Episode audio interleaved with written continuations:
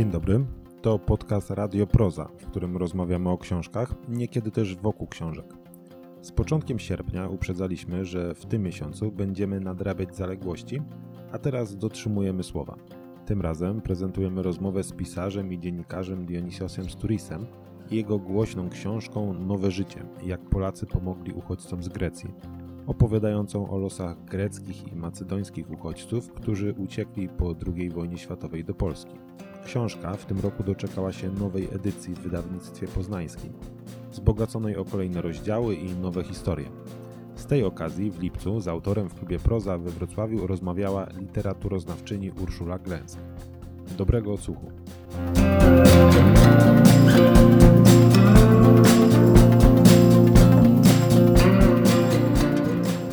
Z wielką przyjemnością przedstawiam Państwu Dionisosa Sturisa. Dzień dobry. Dionis jest y, młody i zdolny. Mogę powiedzieć, kiedy się urodziłeś, bo jesteś jeszcze tak młody, że mogę to powiedzieć, w roku 1983. I nie mam właściwie wątpliwości, że należysz do takiej grupy e, reporterów, e, którzy już na stale weszli e, do pewnego kanonu e, reportażu polskiego. E, Kiedyś już to mówiłam, że pierwsza książka z Turisa, która mnie zachwyciła, czyli Gorzkie Pomarańcze, e, jak to zwykle książki, które lubię, które szczególnie cenię, gdzieś zapowędrowała do moich znajomych i znajomi nie oddali. I dlatego nie mogę Państwu pokazać e, tej pierwszej książki, która jest o współczesnej, opowiada o e, właściwie Grecji czasu kryzysu, tego wybuchu kryzysu, o którym wszyscy słyszeliśmy w mediach, ale e, Dionis opowiedział e, o tym kryzysie w sposób brawurowy, dowcipny. E, O, Gorzkie Pomarańcze, ale to nie jest to wydanie, które miałam i które czytałam, ale tak, tak właśnie Gorzkie Pomarańcze, drugie wydanie. E, Też w wydawnictwie poznańskim, gdzie teraz e, Sturis e, wydajesz. E, czy teraz powinnam powiedzieć, pokazać Władców Strachu? To jest książka zupełnie przerażająca, napisana, przerażająca, ponieważ mówiąca o prześladowaniu dzieci w sierocińcach i e, naprawdę e, z dużym trudem e, się ją czyta, dużym trudem emocjonalnym. Napisany został, e, ten, mm, ta opowieść została napisana z Ewą Winnicką, podobnie jak książka e, o wyspie Man, e, Gdziekolwiek mnie rzucisz, taki miała tytuł. To też e, we współpracy z Ewą Winnicką. Y, To przepraszam, zrobię e, e, małą eratę. E, Tę o Wyspie Man to ja sam napisałem, a z Ewą druga książka też jest o Jersey i o, jest o takim masowym mordzie, który tam się wydarzył. Też to nie jest takie mi, miłe e, pisanie.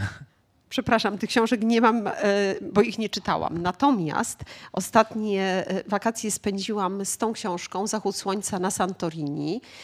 I to jest z kolei książka, którą w ogóle bardzo, którą warto wziąć do Grecji, żeby odpoczywając sobie na plaży albo gdzieś tam siedząc w tawernach, e, czytać o tym, e, co tam w tym społeczeństwie się dzieje, takiego e, niewidocznego gołym okiem, okiem turysty.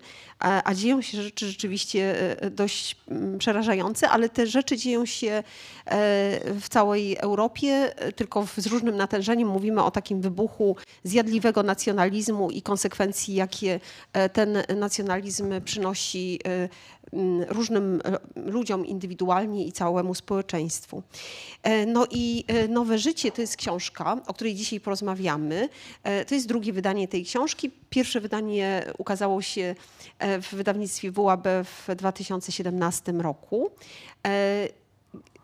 Myślę, że y, teraz, szczególnie teraz y, czytanie o tym, jak e, Polacy e, byli gościnni, mimo że sami nic nie mieli, jak y, no, bezdyskusyjnie dzielili się z uchodźcami, którzy przypłynęli, czy przyjechali pociągami z Grecji w 1948 roku, to przypominanie tej książki teraz jest szczególnie ważne, więc dobrze, że to wznowienie jest. Zresztą trochę zmodyfikowane i uzupełnione e, o współczesność. Ale jeszcze jedno słowo chcę powiedzieć, e, Dionis, że to, co e, bardzo lubi w Twoich książkach, to myślę, że jest, nie wiem, czy świadomym, czy nieświadomym, ale takim trochę korzystaniem ze szkoły kapuścińskiego, która też polegała na tym, że oprócz takich opowieści indywidualnych, oprócz tych mikrohistorii, które każdy reporter nam opowiada w swoich książkach, to Dionis y, fantastycznie y, potrafi zarysować tło i to nie tylko tło społeczne, ale przede wszystkim historyczne. I ten kontekst, on nas wyposaża w takie, mm, w takie zainteresowanie, które towarzyszy lekturom kolejnych książek, szczególnie tych książek o Grecji. No, ono myślę, że z tego wynika, z tego takiego prowadzenia nas po nieznanym nam świecie w sposób bardzo wygodny czytelniczo, bo e, to, to pisanie o historii twoje e, jest po prostu e, ciekawe i dziękuję, że czytasz za nas te wszystkie książki, żeby nam te wszystkie historie wojenne opowiedzieć. A teraz, a teraz już będę pytała. To ja się jeszcze tylko przywitam i Ula, podziękuję tobie za to piękne wprowadzenie, czerwienie się i poce jednocześnie, z gorąca, ale też słysząc te miłe słowa od ciebie. Bardzo ci dziękuję. Wiesz, ja tutaj mówię teraz do prawie swojej publiczności, znaczy nie swojej, tylko tu często jestem, więc wszyscy wiedzą, że nie zawsze chwalę, e, więc mogę e, mówić, bo to nie jest gołosłowne. E, Dioniz, a czy ty chciałbyś się nazywać Dionizy, Dionizy Sturi, Sturiosowski? Ojej, wiedziałam, wiedziałam, że tego nie wymówię. To ja, ale to ciekawe, że masz... Dionizy Sturisowski. Czy chciałbyś się nazywać Sturisowski? To ciekawe, że miałaś problem z wymówieniem tej spolszczonej wersji nazwiska, prawda? Bo ja tutaj często się spotykam z e, trudnym odczytaniem e, mojego greckiego nazwiska i tak sobie żartuję w tej książce, że gdybym się nazywał Dionizy Sturisowski, to może e, w różnych momentach e, mojego życia i pracy e, byłoby mi łatwiej, będąc w Polsce, ale to jest no taki żarcik myślę, bo e, w gruncie rzeczy pewnie pytasz mnie o tożsamość. E, ja dużo o niej piszę w tej książce e, Zachód Słońca na Santorini. Piszę o tym, że ona jest konstruktem, procesem, że jakimś zadaniem dla nas do wykonania, jeśli chcemy je podjąć, e, i że to, jak się nazywamy, skąd jesteśmy, z jakiej miejscowości, z jakiego narodu, z jakiego języka, e, czy nasze nazwiska kończą się na ski, czy nie, to jest może wszystko równorzędne. Żadna z tych perspektyw nie jest najważniejsza. Więc po latach e, prostowania, poprawiania, teraz już naprawdę nie mam z tym żadnego problemu, z tym nazwiskiem. Ale trochę jesteś rzeczywiście i Sturisem, i Sturisowskim, prawda? No, myślę, że tak. A, oczywiście nie wszyscy e, czytają Twoje książki, ale może, może, może, jeszcze powiem, że rzeczywiście w tych książkach również piszesz o sobie. E, takie odsłony i swoje doświadczenia ujawniasz, i wszyscy, którzy tam śledzą e, kolejne mm, e, Twoje reportaże, e, wiedzą co nieco o Tobie, ale nie wszyscy tutaj, którzy siedzą, orientują się, że urodziłeś się w Chojnowie i czy w ogóle nie wiem, czy tam się urodziłeś tak naprawdę. Nie, w Salonikach się urodziłam. Tak, w Salonikach. Ale wychowałem. I wyjechałeś z Zosią. I Zosia, brawurowa matka, co ona zrobiła, kiedy miałeś roczek? Moja mama wtedy uciekła od mojego ojca, E, który był właśnie jednym z uchodźców greckich e, w Polsce e, i nie był najbardziej sympatyczną osobą. Natomiast mama była bardzo dzielna i w 1985 roku ja faktycznie miałem wtedy ledwo ponad roczek. Mama taki plan wymyśliła i później go wykonała. Poprosiła po prostu w tajemnicy przed ojcem o pomoc swoją polską rodzinę, swoją siostrę E, swoich rodziców. E, I oni przyszli z, z pomocą i, i, wywieźli nas e, z Grecji. Bo to było tak, że gdyby ojciec wiedział, że, że mama chce go porzucić i wyjechać do Polski z nami, to na pewno by się na to nie zgodził.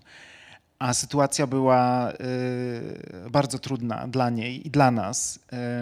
Więc Zosia spakowała nas na lato, bo mieliśmy tylko lato spędzić w Osetnicy pod Chojnowem u dziadków. No ale już nie wróciliśmy do Grecji. Więc e, w salonikach e, zostały nasze zimowe ubrania, zostały książki, które mama wcześniej wywiozła do Grecji, kiedy tam się przeprowadzała kilka lat wcześniej. I, i to już nigdy nie wróciło. No ale my się w, do Polski i stąd jest. To opowieść o tej niesamowicie dzielnej matce jest w zachodzie słońca na Santorini naprawdę jest poruszający jej wysiłek i determinacja, e, ale ty wychowywałeś się w dość specyficznym i właśnie takim wielokulturowym e, towarzystwie i wśród ludzi, którzy nie tylko byli katolikami, Polakami. Tak, Chojnów był jednym z tych miejsc, gdzie znaleźli schronienie, nowe życie uchodźcy z Grecji. Moja rodzina przyjechała tam w 1953 roku, bo najpierw dziadkowie znaleźli się w Czechosłowacji, a ich dzieci, e, czyli moja ciotka z wujkiem e, w ramach e, takiej wielkiej akcji ewakuacyjnej, ewakuowania dzieci z terenów walk w Grecji w czasie wojny domowej, trafili do Polski razem z kontyngentem ponad 4000 dzieci. I później w latach 50. było łączenie rodzin, wielka akcja, e, dlatego że te rodziny były faktycznie porozrzucane po całym e, obszarze tego e, naszego bloku. No więc oni przyjechali do Chojnowa, gdzie chwilę wcześniej e, e, kilkudziesięciu innych Greków i Macedończyków e, się pojawiło. No i mm, w tym małym poniemieckim mieście ta grecka społeczność świetnie się odnalazła, zresztą jak w innych miejscach również, na Dolnym Śląsku i nie tylko. I w 2009 roku e, w ramach Dni Hojnowa, i też opisuję to w książce, e, część z tych Greków wróciła do Hojnowa, żeby podziękować swoim dawnym sąsiadom, podziękować Polsce, bo mają jakąś taką wielką potrzebę dziękowania za ten czas, który spędzili w Polsce. E, I kiedy oni przyjechali po tych kilkudziesięciu latach już nieobecności, bo wyjechali z Polski w połowie lat 70., wrócili na, to, na te celebracje 30 tak, e, lat później. E, e, no, w każdym razie długo później i i to spotkanie było bardzo ciekawe. Ta energia, która wtedy się wytworzyła, była naprawdę fantastyczna, bo kiedy ci Grecy wyjechali, to Chojnów stał się taki bardzo polski. Tam nikt inny nie mieszka poza Polakami. A kiedy wrócili ci dawni mieszkańcy, Grecy, yy, i obserwowałem, jak świetnie się z, z tymi swoimi dawnymi przyjaciółmi yy, na nowo spotykają i rozmawiają, i jak odżywały wspomnienia między nimi. To były bardzo wzruszające sceny. Zresztą Odsłonięto wtedy tablicę pamiątkową na ścianie Urzędu Miasta, która upamiętniała e, ten czas, gdy oni mieszkali w, e, w Polsce, w Chojnowie. Myślę, że takie oficjalne rozpoznanie też było ważne dla tych ludzi, podkreślenie jakiejś takiej solidarności, ale też właśnie tych takich międzyludzkich przyjaźni. Więc w Chojnowie moje nazwisko i moje imię nigdy nikogo e, nie dziwiły. Byłem taki sam jak mój najlepszy przyjaciel Marcin Kosowski, z którym przesiedziałem w jednej ławce wiele lat. I jakoś ta historia lokalna w Chojnowie była znana, rozpoznana y, i w wielu miejscach na Dolnym Śląsku tak było ale w Polsce ona nie była rozpoznana. I dlatego też e, to, to był jeden z powodów, dla których chciałem napisać tę książkę, żeby przypomnieć o tym wydarzeniu, o tym, że, że wiemy, jak pomagać uchodźcom, że, że, że z tej naszej pomocy tych wiele lat temu wyszło samo dobro, czy wynikło samo dobro, e, a przecież Grecy też byli różni od e, Polaków. Oczywiście był zupełnie inny kontekst, inne czasy powojenne, e, ale ci Grecy, którzy przyjechali do, do Chojnowa i do Zgorzelca, do Lwówka, do, do, do wielu miejsc w Polsce, e, przecież inaczej wyglądali, mówili innym językiem. Polska dla nich była jakimś totalnym odlotem. Inny klimat, inne jedzenie, inny język, inny wygląd, inna kultura. To byli głównie tak jak moi dziadkowie, ludzie z górskich, małych wiosek na północy Grecji, choć nie tylko, w zasadzie zewsząd, ale najwięcej z, z tego terenu właśnie. Ludzie e, słabo wykształceni albo zupełnie niewykształceni, tak jak moi dziadkowie, dla których świat wcześniej ograniczał się do wioski albo do pobliskiego miasta. Oni nigdy nie byli w Atenach. Być może kiedyś byli w Salonikach, jeśli ktoś e, zachorował i trzeba było jechać do, do szpitala, ale, ale ich światem była maleńka wioska Langadia, gdzie nie było nic poza. Chatami z kamienia i sąsiadami, którzy żyli tak, jak żyło się przez e, kilkaset lat. Naprawdę ta północ Grecji była bardzo taka nierozwinięta i nagle ci ludzie przyjeżdżają do e, Polski i muszą e, się jakoś odnaleźć w tym trudnym, nowym świecie. I tak jak się odnaleźli w Hojnowie, tak się odnaleźli w całej Polsce. Tam w Chojnowie, tak, tam w Chojnowie e, usłyszałeś, usłyszałeś od jednego z tych ludzi celebrujących właśnie te, te dni, czy te spotkania e, polskich e, Greków. On powiedział, taka jest życie. I to taka jest życie. Od razu mi się skojarzyło z tym, jak Gospodinow w swojej książce pisał o tym, o tych przekształceniach gramatycznych, które, które wiele znaczą i wskazywał na takie przekształcenie ja jesteśmy, że z jednej strony jestem, ale tak naprawdę nie ja jestem, tylko ja jesteśmy, albo inaczej, my jestem, prawda? A, a powiedz, a dlaczego, y, jak to się stało, właściwie trochę to tłumaczysz, że jednak e, zbierałeś tam materiały do radia, czułeś też tam się u siebie trochę, ale nie powstała audycja radiowa, tylko powstała de facto książka. Tak. To jeszcze tylko powiem, że, że mm, taka jest życie. Powtarzał dziadek mojego serdecznego kolegi z Hojnowa, pan Christos Placikias, który e, Pliacikas, który e, był jednym z tych uchodźców, e, mieszkał w Hojnowie przez wiele lat, był nauczycielem e, w lokalnym technikum. Jego żona była pielęgniarką, też greczynka, Kula miała na imię. E, I to jest fascynująca historia, ich historia, czy głównie z nim rozmawiałem wtedy, kiedy byłem w Hojnowie, e, dlatego że e, on pamiętał różne trudne słowa, kiedy, kiedy myśmy się spotkali na tę rozmowę, a od wielu, wielu lat mieszka w Salonikach, bo wyjechał w 70 bodaj 5 czy tam 7 roku z powrotem do Grecji. I zapamiętał, po pierwsze, on się nauczył polskiego jako dorosły człowiek, bo y, przyjechał do Polski trochę później. Jego ścieżka była nieco inna. On spędził najpierw po tej ucieczce z y, Grecji, spędził chyba 12 lat w Rumunii y, i dopiero później przyjechał do Polski, do Chojnowa.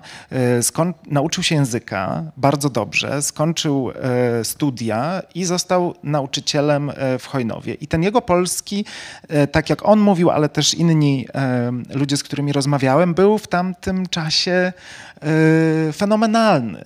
E, ani akcent go nie odróżniał, ani jakiś słaby zasób słów. Wraca po latach i pamięta różne trudne słowa. E, też kilka wymieniam, takich, które zrobiły na mnie wrażenie, że on je pamiętał ale one już miałem wrażenie, że po tych wielu latach, że one musiały stoczyć jakąś walkę, zanim się wydostały, że one musiały stoczyć walkę z greckimi odpowiednikami. I czasami, e, znaczy, myślę, że wygrywały, bo faktycznie on mówi pięknie nadal, ale te formy gramatyczne są e, może dla niego trochę trudniejsze. Życie po grecku, zoi, jest rodzaju żeńskiego, dlatego taka jest życie. To jest westchnienie, które zrobiło wtedy na mnie wielkie wrażenie, bo to jest taki moment takiego reporterskiego złota, kiedy słucha się takiej wypowiedzi. I wiedziałem już, że muszę, e, że, że, że ona znajdzie się w tej książce. I on tak wzdychał wiele razy, mówiąc, no, że ta wojna, y, która zabrała mu kilku członków rodziny, która rozłączyła go z matką na wiele, wiele lat, która wyrzuciła go najpierw do tej Rumunii, później do tej Polski. No i taka jest życie, taka jest życie, tak się plotą te nasze e, losy, ale on jest, myślę, szczęśliwym człowiekiem, bo ten powrót do Polski po wielu latach był dla niego, to znaczy część jego rodziny została w Polsce, więc on czasami bywa, ale ta możliwość powrotu, możliwość e, podziękowania tym swoim dawnym sąsiadom, to, że oni go wszyscy rozpoznali. Wtedy koledzy z, e, z takiego stowarzyszenia, nie pamiętam jak ono się oficjalnie nazywa, ale wtedy, kiedy on żył w Polsce, to, to się kumplował z takimi jak on po, po studiach politechnicznych, e, inżynierami. Ci koledzy teraz mają jakiś tam związek właśnie techników, już nie pamiętam jak to się nazywa, i oni wtedy dali mu jakieś specjalne odznaczenie. Em, Wszyscy go zaczepiali i mówili: Tak, my pamiętamy, twoja żona szczepiła nas przeciwko gruźlicy, jak byliśmy mali. E, Także ta rozmowa była, była, e, była wspaniała, bardzo dobrze. e, Mam taki wielki sentyment, jak sobie o niej myślę. No i faktycznie ja tę rozmowę nagrywałem do radia. Chciałem zrobić, pracowałem wtedy w Radiu Tok FM i, i pojechałem do Chojnowa, żeby nagrać reportaż i przywiozłem kilkanaście godzin nagrań, ale jakoś, jakoś to się wszystko odwlekło. Jakoś, nie wiem, zaraz się rzuciłem w wir innych zadań e, radiowych, takich bardziej e, aktualnych, e, bo, bo taki był rodzaj mojej pracy w radiu. Ja się zajmowałem polityką zagraniczną, jeździłem wszędzie, gdzie, gdzie się coś działo, a wtedy się dużo działo, wtedy też bardzo dużo do Grecji jeździłem. No i te, te wszystkie godziny zapisane gdzieś tam na pendrive'ie czekały na, na lepszy czas i, i się doczekały w tym 2015 roku, kiedy, em, kiedy uchodźcy zaczęli dopływać do Europy w e, liczbie no, takiej większej niż wcześniej. I pomyślałem, że to jest ten moment, żeby przypomnieć tę historię. Jeszcze chciałam Cię zapytać o to, sło, o, o to określenie po grecku, zaczynające się od zoe i mówiące o nowym życiu, żeby ono tu wy- wybrzmiało. To Neazoi? Neazoi, tak. Neazoi, czyli nowe życie. E, tak nazywała się spółdzielnia e, rolniczo-handlowa czy rolniczo-przemysłowa w Krościenku, niedaleko Ustrzyk Dolnych, którą założyli uchodźcy z Grecji. W 50 roku e, wszyscy uchodźcy byli w Zgorzelcu, 14 tysięcy osób. E, skończyła się wojna. Do tych dzieci, które wcześniej znalazły się w Polsce, dojechali uchodźcy, dojechali byli partyzanci. Z północy, z, z Dziwnowa zjechali ci partyzanci, których e, Polska leczyła w takim specjalnym, e, stworzonym dla nich szpitalu. No i nagle wszyscy byli w tym Zgorzelcu, który przez chwilę był takimi polskimi Atenami. Ale ponieważ granica nasza zachodnia nie była jeszcze oficjalnie uznana, to polskie władze zdecydowały, że trzeba tych Greków gdzieś kopnąć dalej, e, dlatego że tam muszą pojechać żołnierze, zająć te koszary, bo część e, na przykład młodzieży greckiej mieszkała w koszarach. No i ci Grecy rozjechali się po całej Polsce i grupa trafiła też do Krościenka. Nie na zesłanie, to, to, to był wybór tych ludzi, że pojadą do Krościenka, bo jak mówiłem, byli e, też z tych terenów w Grecji, północnych, górzystych, sporo z nich to byli pasterze. E, I pojechali do tego Krościenka, myśląc, że może e, tam będzie trochę bardziej jak w Grecji. E, I przywitała ich sroga zima, śnieg po pas. Zajęli wtedy domy, które wcześniej zajmowali bojkowie lokalni. Takie stare, dziurawe chaty, ale bardzo szybko się tam zadomowili. E, To była grecka, to była wioska wyłącznie grecka w zasadzie. Nie było tam Polaków, poza kilkoma osobami, które pracowały w tej spółdzielni. No i otworzyli te spółdzielnie, wielkie, potężne przedsiębiorstwo, nadali jej takie cudowne, cudowną nazwę, Nowe Życie, bo tak czuli, że tam zaczynają to nowe życie.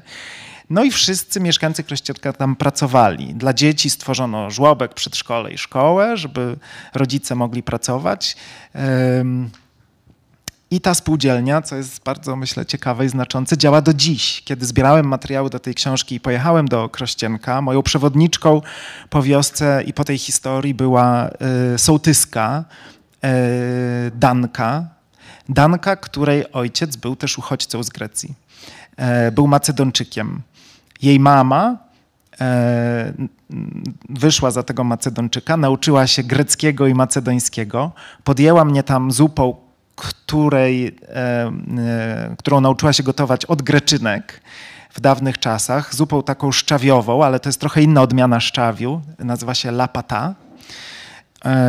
I, to było fantastyczne, bo Danka teraz pracuje, poza tym, że jest sołtyską, pracuje e, jako stróż nocny, tak na pół etatu w tej spółdzielni. Spółdzielnia Nowe Życie działa, ale jakby jest mm, kadłubkiem tego, czym była kiedyś. No ale działa i ta pamięć w Krościenku jest. E, jest w Krościenku grecki cmentarz, jest jeszcze kilka e, domów, w których mieszkają ci dawni uchodźcy, e, ale poza nimi to są, e, to są inni, to, to są już, bo dużo ich wyjechało po prostu, a ci, ci, którzy zostali, to jest garstka. Ich domy po tych Grekach zajęli bogaci ludzie z Podkarpacia, którzy tam sobie takie dacze weekendowe urządzili. Ale pozwólmy im jeszcze przyjechać i spróbujmy opowiedzieć o tym, jak oni przyjeżdżali. Bo ja y, y, słyszę y, w tym, co mówisz, że naprawdę porywacie to życie i te, spotkania z ludźmi. E, natomiast w książce uruchamiasz też e, wyobraźnię nie tylko swoją, ale też czytelnika, kiedy na przykład mówisz o tej sześcio, czy piszesz o tej sześciodniowej mm, podróży w wagonach dosłownie bydlęcych, z Grecji e, do e, właśnie tego, z, mm, oni przyjechali do Zgorzelca najpierw, nie, od, w Lądku Zdroju. Te pierwsze wagony z dziećmi otworzyły drzwi w Lądku Zdroju i wychodzą te dzieci. I dlaczego te dzieci w ogóle się przede wszystkim w tych wagonach znalazły? Jest y, lato 48 roku. Tak. Dzieci docierały do Polski albo tymi pociągami, E, nie wszystkie to były wagony e, bydlęce, wagony bydlęce. Podkreślam to dlatego, że, że e, kiedy ta książka się ukazała, to kilkoro z tych uchodźców, dzisiaj już starszych ludzi, zwróciło mi uwagę, że oni nie jechali bydlęcymi wagonami. Jakoś to było ważne dla nich, żeby, żeby to podkreślić. Ale część z tych dzieci na pewno przyjechała też w bydlęcych wagonach. Cała ta akcja była przeprowadzana w wielkiej tajemnicy. W Grecji trwała wojna. E, którą partyzanci lewicowi przegrywali. E, po drugiej stronie e, walczyli, walczyła armia nowo powstała, rządowa, przy współpracy Amerykanów. Amerykanie przysyłali Grekom bardzo nowoczesne uzbrojenie, więc na północy Grecji na przykład północ Grecji była bardzo mocno bombardowana tam po raz pierwszy użyto bomb z napalmem. Więc e, dowódcy partii komunistycznej, dowódcy wojskowi tej partyzantki uznali, że e, trzeba ewakuować dzieci z tych terenów. Po pierwsze dlatego, żeby je uratować, e, bo też no, mm, praktycznie klęska głodu tam już panowała, ale po drugie dlatego, żeby ich rodziców można było zaangażować do walki. E, pobór był obowiązkowy w tamtym okresie. E, nie wszyscy oczywiście chcieli walczyć, e, ale też nie było przymusu, żeby te dzieci oddawać, bo w pewnym momencie propaganda grecka, ta rządowa, twierdziła, że to jest taka akcja, którą nazwali pedomazoma, czyli zabór dzieci, jak turecki jasyr. Natomiast ci, ci moi bohaterowie i ta strona lewicowa twierdzili, że to było pedososimo, czyli ratunek dzieci. E, no więc e, zapytano rodziny z tych terenów, czy zgadzają się na to, żeby ich dzieci wysłać na jakiś czas w bezpieczne miejsca. I e, rodzice, dziadkowie, opiekunowie zgadzali się chętnie, bo wiedzieli, że w najbliższym czasie może być tylko gorzej w ich domach i w ich wioskach. E, liczyli na to, że w tych bezpiecznych miejscach, nie wiedząc gdzie to będzie, dzieci dostaną jedzenie, być może pójdą do szkoły, przeczekają ten trudny czas. Nie zostaną poparzone napalmem. I nie zostaną poparzone napalmem. I tak się stało. Te dzieci e, wsadzano albo w te wagony, albo na statki e, w albańskim porcie Duresi, skąd statki płynęły później do Trójmiasta. To były statki, które wypływały wcześniej z Polski i wiozły do Albanii e, sprzęt wojskowy i żywność dla tych walczących partyzantów, co też jest bardzo ciekawe i myślę, że pewnie we Wrocławiu ta wiedza jest e, większa niż gdzie indziej w Polsce, ale nadal myślę jest e, generalnie w Polsce myślę niewystarczająca. To znaczy, że Polska była w tę wojnę bardzo zaangażowana. To, że przyjęliśmy dzieci, to, to, to był tylko jeden z późniejszych elementów, ale myśmy wcześniej bardzo kibicowali tym partyzantom i wysyłaliśmy im e, obuwie, materiały na mundury, sprzęt wojskowy, ale taki drobny. E, tak, ale, ale bardzo liczny. Tam były jakieś e, setki tysięcy pocisków, e, bomb, ale też radiostacje i tak dalej. Naprawdę te kontyngenty szły z Polski i z Czechosłowacji i z Węgier przez Polskę bardzo takie, no, znaczy na pewno nie takie, które mogłyby odwrócić bieg tej wojny, bo tamta strona miała zdecydowanie większe wsparcie Amerykanów, ale, ale myślę, że znaczące. I um, no i tak, i e, rozpoczyna się ta ewakuacja i dzieci dojeżdżają, e, no oczywiście to wszystko było jakoś koordynowane na poziomie państwowym. Polskie władze były w kontakcie z partyzantami, z dowódcami partyzantki greckiej i zgodziły się na przyjęcie tych dzieci. Stworzono dla nich miejsca takie no, no, miejsca po prostu w, w, dawnych niemieckich sanatoriach, dawnych, no przed chwilą one jeszcze były niemieckie, prawda? Właśnie w Solicach, czyli dzisiejszym Szczawnie Zdroju, w Lądku, w Międzygórzu, w Dusznikach i, i ym, a tego to nie, nie pamiętam, być może. E, Police to koło Szczecina, to, to chwilę później tam przeniesiono te dzieci, ale najpierw one znalazły się faktycznie wszystkie na Dolnym Śląsku. E, przez pierwsze miesiące to też była tajna e, operacja, więc nawet ci, ci nowi mieszkańcy tych miasteczek nie wiedzieli nic. Wszyscy pracownicy tych ośrodków podpisali zobowiązali się na piśmie, że, że nikomu nie powiedzą, co się tam wyprawia i kogo oni goszczą.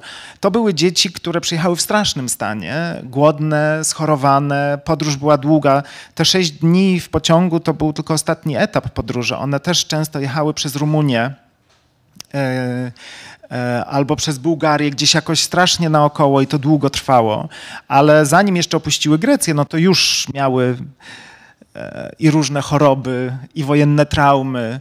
Więc pierwsze tygodnie tych dzieci były takim czasem Szorowania mydłem, które było jak papier ścierny. Tak, tak jest, to jest. Wspominają. Tak, tak, jeden z nich wspomina. To był czas też kwarantanny. Dwa tygodnie e, te dzieci trzymano w kwarantannie, ale one też e, jakoś tak się mm, w tych pierwszych tygodniach mogły poczuć bezpieczniej, swobodniej. Początkowo na przykład, kiedy były karmione, to chodziły na śniadanie, to mm, chowały bułki, e, chleb po, po kieszeniach i później pod poduszką.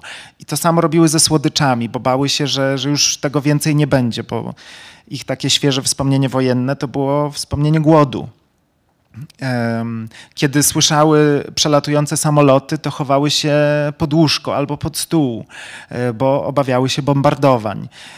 No ale te pierwsze tygodnie takiej naprawdę, myślę, wspaniałej opieki nad tymi dziećmi ze strony e, polskich opiekunów, wychowawców, e, no myślę, że jakoś takie plasterki na te traumy udało się nakleić i, i, i te dzieci poczuły się lepiej. No i to była spora grupa właśnie 4 tysiące, około 4, 4 tysiące dzieci, w tym e, moja ciotka i mój wujek, którzy najpierw znaleźli się właśnie w Lądku i w Solicach, a później e, utworzono dla tych dzieci Państwowy Ośrodek Wychowawczy w Policach pod Szczecinem i tam bardzo dużo z tych dzieci e, skierowano. I tam, tam też jakby te warunki były bardzo dobre stworzone dla, dla tych dzieci. Piszesz jeszcze o takim symbolicznym momencie, że te dzieci, kiedy przyjechały, miały takie mm, jak gdyby mm, medaliony. Z, z jednej strony e, był na nich portret e, dowódcy armii komunistycznej, w której służyli ich rodzice, a na drugim, na odwrocie miały tak jak na nieśmiertelnikach numery. Znaczy na nieśmiertelnikach akurat jest, są oznaczenia grup krwi, ale te dzieci były jak gdyby oznaczone numerami. I tu w książce jest taki, e, taka informacja, że jak gdyby szybko im to, te numery pościągano, a te medaliony wyrzucono. Ale y, mm, czy taką porządną jak gdyby orientację, czy, czy zapisano odpowiednio te wszystkie imiona, czy e, y, jak gdyby tożsamość tych dzieci porządnie określono, bo to były dzieci, które miały albo 3, albo 14 lat. One były w takiej mniej więcej grupie wiekowej, prawda? Czyli niektóre mogły w późniejszym życiu nic nie pamiętać ze swojej młodości. Czy one się nie pogubiły? Czy kiedy ściągnięto im te medaliony, to e, dobrze zapisano wszystkie tożsamości? Nie, nie, nie. Em, Te, te, te e, medaliony dzieci dostały albo mm, e, będąc w Rumunii, albo na chwilę przed wyruszeniem do Rumunii, ale w, przebywały wtedy w Jugosławii, w takim obozie w Bulkies na terenie dzisiejszej Serbii bodaj. To była taka baza szkoleniowa dla tych partyzantów. No i tych dzieci było bardzo dużo, a opiekunów było bardzo mało. Te dzieci pochodziły z różnych wiosek i dlatego uznano, że, że łatwiej będzie jakoś e, na numerach operować niż na imionach i nazwiskach. Em, I faktycznie w Polsce bardzo szybko im te numery z wiadomych względów e, e, odebrano i je zlikwidowano i zaczęto robić taką e, właśnie listę z imionami i nazwiskami, co nie było łatwe, dlatego że niektóre dzieci, te najmłodsze, nie, niektóre z nich przybywały same. Jeśli było to rodzeństwo, to najstarsze dziecko zwykle dostawało od rodziców takie przykazanie, żeby nie spuszczać ich z oczu i żeby pamiętać, kto jak się nazywa i z jakiej jest wioski, bo oni często się wioskami już w Polsce grupowali, albo przynajmniej się spotykali wioskami tymi swoimi greckimi. Wiek tych dzieci określano na podstawie tego, czy umieją czytać, czy nie umieją, czy umieją dodawać, czy nie umieją. I mnóstwo było takich historii, że ludzie myśleli, że są starsi albo młodsi, gdzieś tam po latach się okazywało, na przykład kiedy już wracali do Grecji, to jakaś ciotka im mówiła, nie, nie, ty się urodziłeś powiedzmy tam, nie wiem, w 42. Em, w- e, Więc e, tak, jakieś, jakieś fałszowanie siłą rzeczy tam e, następowało. Było kilka takich bardzo trudnych historii e, na tym pierwszym etapie. Niektóre dzieci się gubiły po prostu gdzieś tam na różnych etapach podróży, nie? Tak, tak. opisujesz. Tak. em, Był, taki, ta, ta, taki mój krajan z Hojnowa, e, którego żona jest polonistką i który opowiadał mi, trochę się śmiejąc, a trochę, trochę widziałem, że, że, że jest to dla niego trudna historia, bo em, jego mama została poproszona o to, żeby być e, taką opiekunką tych ewakuowanych dzieci i miała... e, e, Czyli była Majką. tak, tak. Bo tak te kobiety się... Tak te kobiety nazywano, tak, Majki. I miała, miała pod swoimi skrzydłami bodaj 110 dzieci. E, I kiedy przyszło odpływać z Albanii, z tego portu, jej syn, akurat jej syn zawieruszył się na polu arbuzów. Zrywał arbuzy, był jakiś wkurzony na coś, zrywał te arbuzy i je roztrzaskiwał. I spóźnił się na statek. I jego mama z tymi dziećmi odpłynęła, zorientowała się dopiero w trakcie już, że, że jego tam nie ma. Prosiła, błagała kapitana, żeby zawrócili, ale to było niemożliwe, tajna operacja i tak dalej. Więc on e, został w tej Albanii, e, zapadł na tyfus. I po roku dopiero, jakoś jakimś cudem, on nie wie jak, bo nie pamięta, bo był za mały, e, dostał się do, e, do Polski i z mamą, która już zdążyła e, wyjść za mąż i, i jakoś tam sobie powoli życie układała. Dopiero po ponad roku się z nią spotkał. To wszystko kryje, te wszystkie historie kryją się w tym haśle taka jest życie. Em, ale przyjechali też e, dorośli ludzie, było e, zdecydowanie więcej mężczyzn. Oni w pierwszym rzędzie trafili do szpitala zorganizowanego na Wyspie Wolin. Tysiąc e, osób, bo tych dzieci, no może tak dodam tylko, że, że tych dzieci było rzeczywiście mnóstwo, 3,5 tysiąca takich maluszków de facto, prawda? A, a ci mężczyźni i, i nieco e, kobiet żołnierek, e, dlaczego tutaj przyjechali jak to się z kolei odbyło? No właśnie w ramach tej, tej współpracy polskich władz z grecką partyzantką e, poprosili partyzanci w 1948 o to, żeby stworzyć taki szpital, w którym będzie można leczyć chorych, dlatego że na tych terenach walk nie było żadnych warunków właśnie te walki najcięższe toczyły się na północy Grecji, gdzie nie było szpitali w tych małych miastach. Nie można było jechać do Salonik i leczyć jakiegoś partyzanta. Amputacje przeprowadzano w lesie.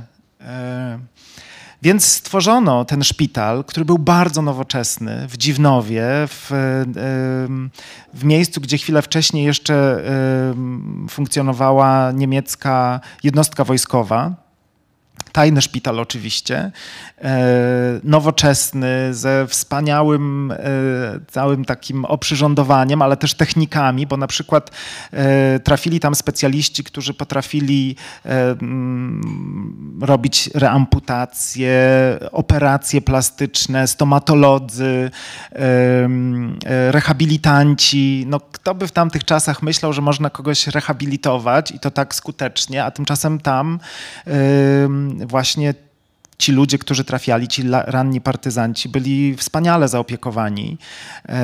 Ten szpital działał przez prawie dwa lata. Prawie dwa tysiące e, osób się przez niego przetoczyło. Głównie mężczyzn, ale także sporo kobiet. E, Kil, e, około 30 dzieci tam się urodziło, bo te żołnierki przyjeżdżały w ciąży. No i statystyki były jakby bardzo, bardzo takie mm, dobre. No tam kilkanaście osób jedynie z tych wszystkich ciężko rannych najczęściej ludzi umarło, bo ta opieka była fantastyczna. Za stworzenie tego szpitala odpowiadał generał, lekarz, chirurg. Wacław Barcikowski, który wcześniej e, taki polowy szpital stworzył e, w Warszawie w czasie powstania warszawskiego. I w, w, książce mojej są fragmenty jego wspomnień z, z, z tej akcji greckiej, powiedzmy. No więc tak, to e, jest też kilka, myślę, bardzo dobrych zdjęć, bo w IPN-ie i w Osolineum jest całkiem spore archiwum takie fotograficzne z Dziwnowa. E, są to wzruszające, dramatyczne zdjęcia, ale też e, kiedy wpatrywałem się w na przykład w tych ludzi po, po amputacjach właśnie w trakcie zajęć rehabilitacyjnych, to widziałem na ich twarzach nie wiem, jakąś ulgę, jakiś taki spokój, często ci, ci z amputowanymi nogami dostawali e, takie protezy, tak nowoczesne na tamte czasy protezy, że zachowywali je e, przez całe życie.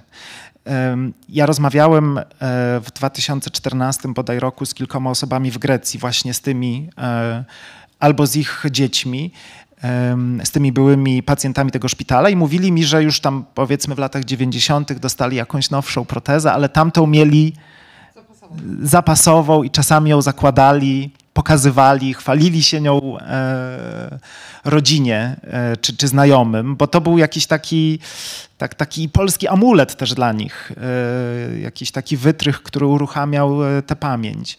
E, więc e, tak, wspaniałą dostali opiekę w, w Dziwnowie. Później ten szpital zamknięto i, i, i wszystkich tych ludzi skierowano do Zgorzelca, a później to już po, cało, po całej Polsce. Tak, to jak y, mm, pisze Maciej Zaręba-Bielawski w swojej książce Dom z dwiema wieżami, że po wojnie było mnóstwo ludzi bez rąk i nóg i oni byli częścią jak gdyby tłumu miejskiego. E, potem po latach e, było ich coraz mniej. Um, zawsze sobie to przypominam, kiedy myślę teraz y, o tym, jak będzie e, wyglądało społeczeństwo ukraińskie, ale um, czy możemy jeszcze wrócić do historii? Bo to jest w ogóle paradoksalna e, sytuacja, że to, co się działo w Grecji powojennej, było jak gdyby rewersem tego, co się działo w Polsce. Oczywiście w Grecji e, wybuchła wojna domowa i rzeczywiście doszło do dramatycznych historii powojennych. To w tym kontekście jak gdyby polskie po wojnie nie wygląda aż tak dramatycznie, ale e, rozgrywającymi byli podobni gracze, czyli Stalin i Churchill. E, czy mm, zechciałbyś jeszcze e, troszeczkę powiedzieć o tym tle, bo ono, ono mi się wydaje e, mm, też ważną częścią tej opowieści. Churchill jest bardzo kontrowersyjną postacią w Grecji, bardzo. E, dlatego, że Brytyjczycy pod jego rozkazami najpierw e, no, tak chlubnie zapisali się w czasie okupacji hitlerowskiej, to znaczy agenci brytyjskiego wywiadu pomagali e, organizować grecki ruch oporu. Ten ruch oporu w Grecji stworzyli ludzie lewicy, właśnie komuniści, członkowie partii lewicowych, dlatego że rząd, król i armia uciekli z Grecji zaraz na początku okupacji. Tam się zainstalował rząd kolaboracyjny. No i Brytyjczycy e, wtedy wspomagali tych, e, tych dzielnych, walczących Greków. Ale zaraz po tym, jak e, okupacja się skończyła, jak Niemcy, Włosi i Bułgarzy wyszli e, z Grecji i ci dzielni właśnie walczący w ramach takiej powstańczej armii Elas e, i ich dowódcy chcieli udziału we władzach, to Brytyjczycy stwierdzili, że na to nie pozwolą, bo bali się, że Grecja wpadnie właśnie w orbitę E, oddziaływania Stalina, choć wcześniej Churchill pokryjomu dogadał się ze Stalinem, prawda? W 1944 roku poleciał na Kreml i tam sobie podzielili Europę E, Grecja przypadła Brytyjczykom, ale była obawa, że, że komunizm, e, e, że, że w Grecji komuniści zwyciężą nie dlatego, że tak jak w Polsce Stalin wyśle jakiś tam kontyngent, tylko dlatego, że, że, że komunizm wykiełkuje jakby z wewnątrz greckiego społeczeństwa, dlatego że, że ci walczący w ramach tej partii i takiej organizacji jeszcze społecznej, która nazywała się EAM, no, to była potężna potężna część greckiego społeczeństwa zaangażowana w ten ruch oporu, więc wdzięczność e, wobec nich była olbrzymia i oni byli bardzo popularni, bardzo tacy, no myślę, że, że gdyby wybory nie były wtedy fałszowane, to, to by zwyciężyli, więc Brytyjczycy nie mogli do tego dopuścić. No tak, tak samo jak się zdarzyło w Jugosławii, e, gdzie Tito jak gdyby pociągnął ze sobą 80 parę procent społeczeństwa, tak. prawda? Czyli e, poparcie społeczeństwa greckiego dla tej ludowej armii wyzwoleńczej, ELAS, ale y, w planach e, dyktatorów i przywódców było to, że jednak Grecja zostaje w kręgu świata zachodniego. Tak jest, tak. E, no i mamy grudzień 1944 roku i Churchill, obawiając się tego właśnie, te, te, tego, tej, tej energii tłumu greckiego i greckiego społeczeństwa, no, każe tym Brytyjczykom, tym żołnierzom, którzy chwilę wcześniej ramię w ramię z, z Grekami walczyli przeciwko hitlerowcom, każe im strzelać do tych, e, do tych właśnie swoich e, kolegów i e, rozpętuje takie powstanie, które działo się w Atenach przez kilkanaście dni, nazywa się Dekembriana dzisiaj, gdzie po prostu mnóstwo, mnóstwo ludzi zginęło. Chwilę po wyzwoleniu, chwilę po tym, jak okupacja się zakończyła. Ewidentnie sprowokowane to. Tak, absolutnie. To był plan Churchilla. On zresztą sam, on przyleciał wtedy do Aten, żeby, e, żeby tym zarządzić. E, i wypuścił, czy nakazał wypuszczenie z więzienia członków batalionów bezpieczeństwa, czyli kolaborantów, takich oddziałów kolaborujących z Hitlerem, które hitlerowcy założyli czy zorganizowali jeszcze w czasie okupacji. Więc no, zadziała się rzecz niezwykła, to znaczy właśnie ten król, który wrócił z emigracji, ci dowódcy wojskowi, którzy wcześniej uciekli, a teraz wrócili. I ci właśnie kolaborujący żołnierze e, dostali możliwość e, utworzenia, utworzenia państwa. A ci, którzy jakby ofiarnie walczyli o wolną Grecję, e, no, musieli, musieli uciekać i walczyć, a później uciekać, uciekać dalej. 100 tysięcy osób wyemigrowało z Grecji, do Polski trafiło 14 tysięcy, ale alternatywa, jaką, jaką mieli ci ludzie, była taka, że albo zostają w Grecji i um, idą na długie lata do więzienia, albo zostają zesłani e, do obozu koncentracyjnego na wyspie Makronisos, albo uciekają i zaczynają gdzieś nowe życie. Ale wiesz co, kiedy to jest e, też ważny wątek tej książki, że kiedy e, odwiedzasz tą Makronisos, patrzysz na tą wyspę bez drzew, to zastanawiasz się w gruncie rzeczy, E, czy lepiej było być takim e, człowiekiem, który po tej wojnie domowej e, przeszedł kilkanaście miesięcy tego obozu, tak zwanego obozu resocjalizacyjnego, To jest też złowieszcza nazwa, którą teraz takie obozy od razu w Chinach się przypominają.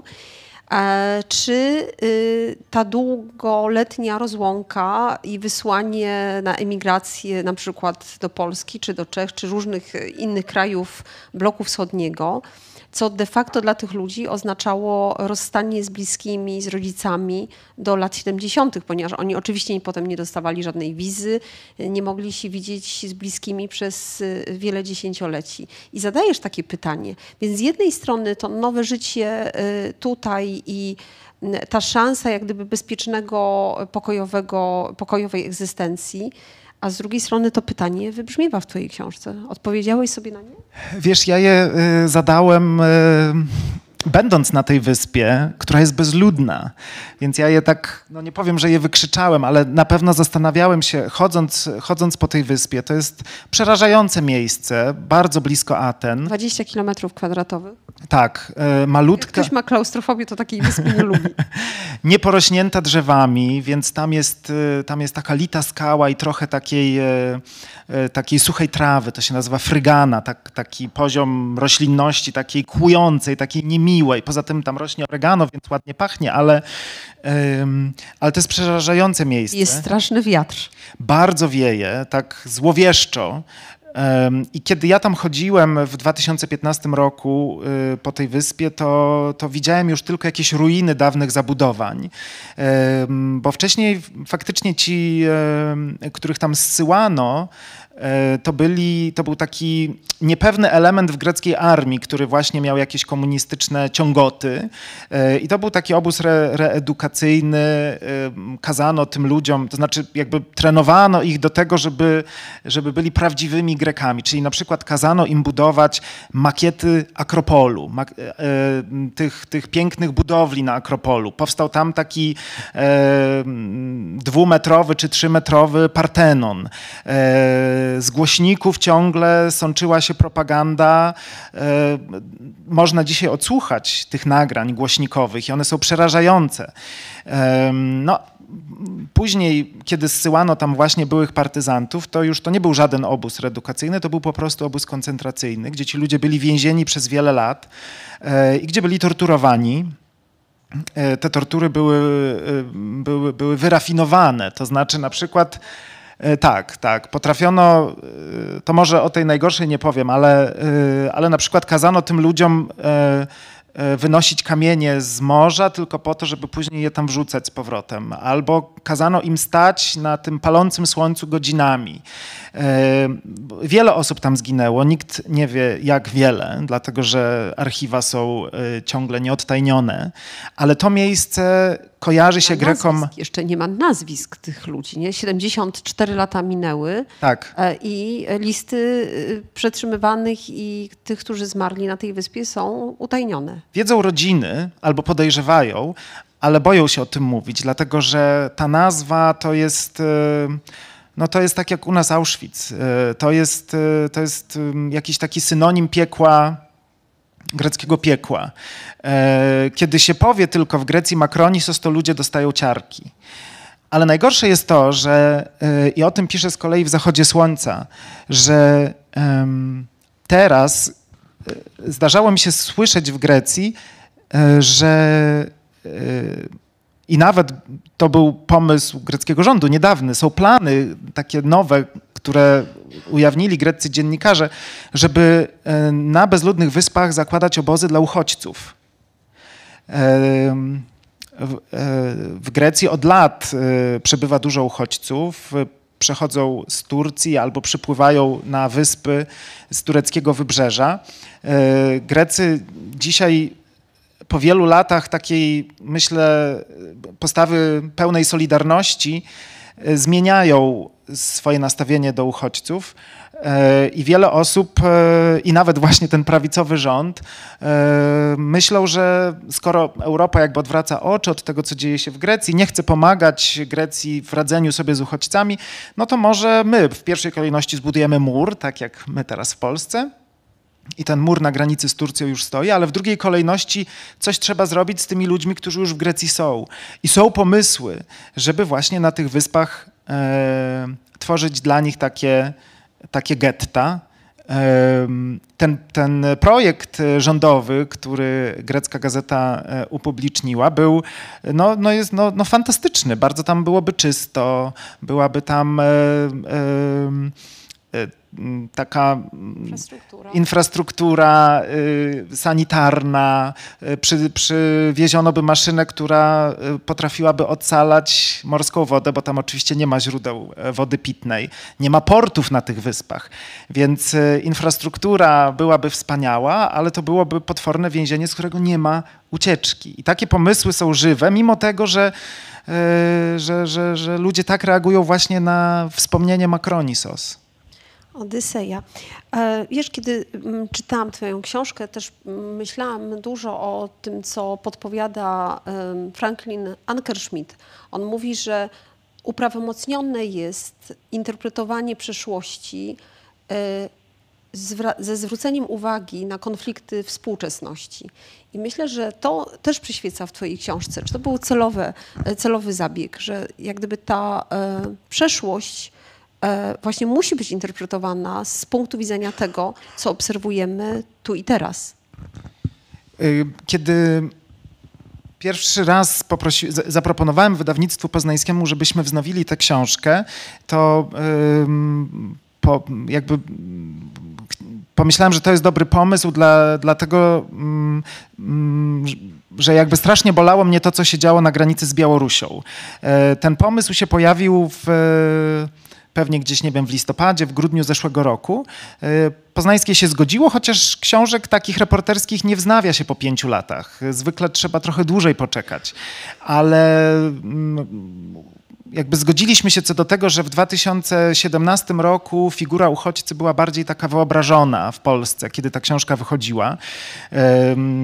Ledwie dwa lata wcześniej jakby miała miejsce ta potworna kampania wyborcza, w której zohydzono nam uchodźcę, e, mówiąc, że, że, że będzie gwałcił, że jest terrorystą, że roznosi choroby, że trzeba się go bać.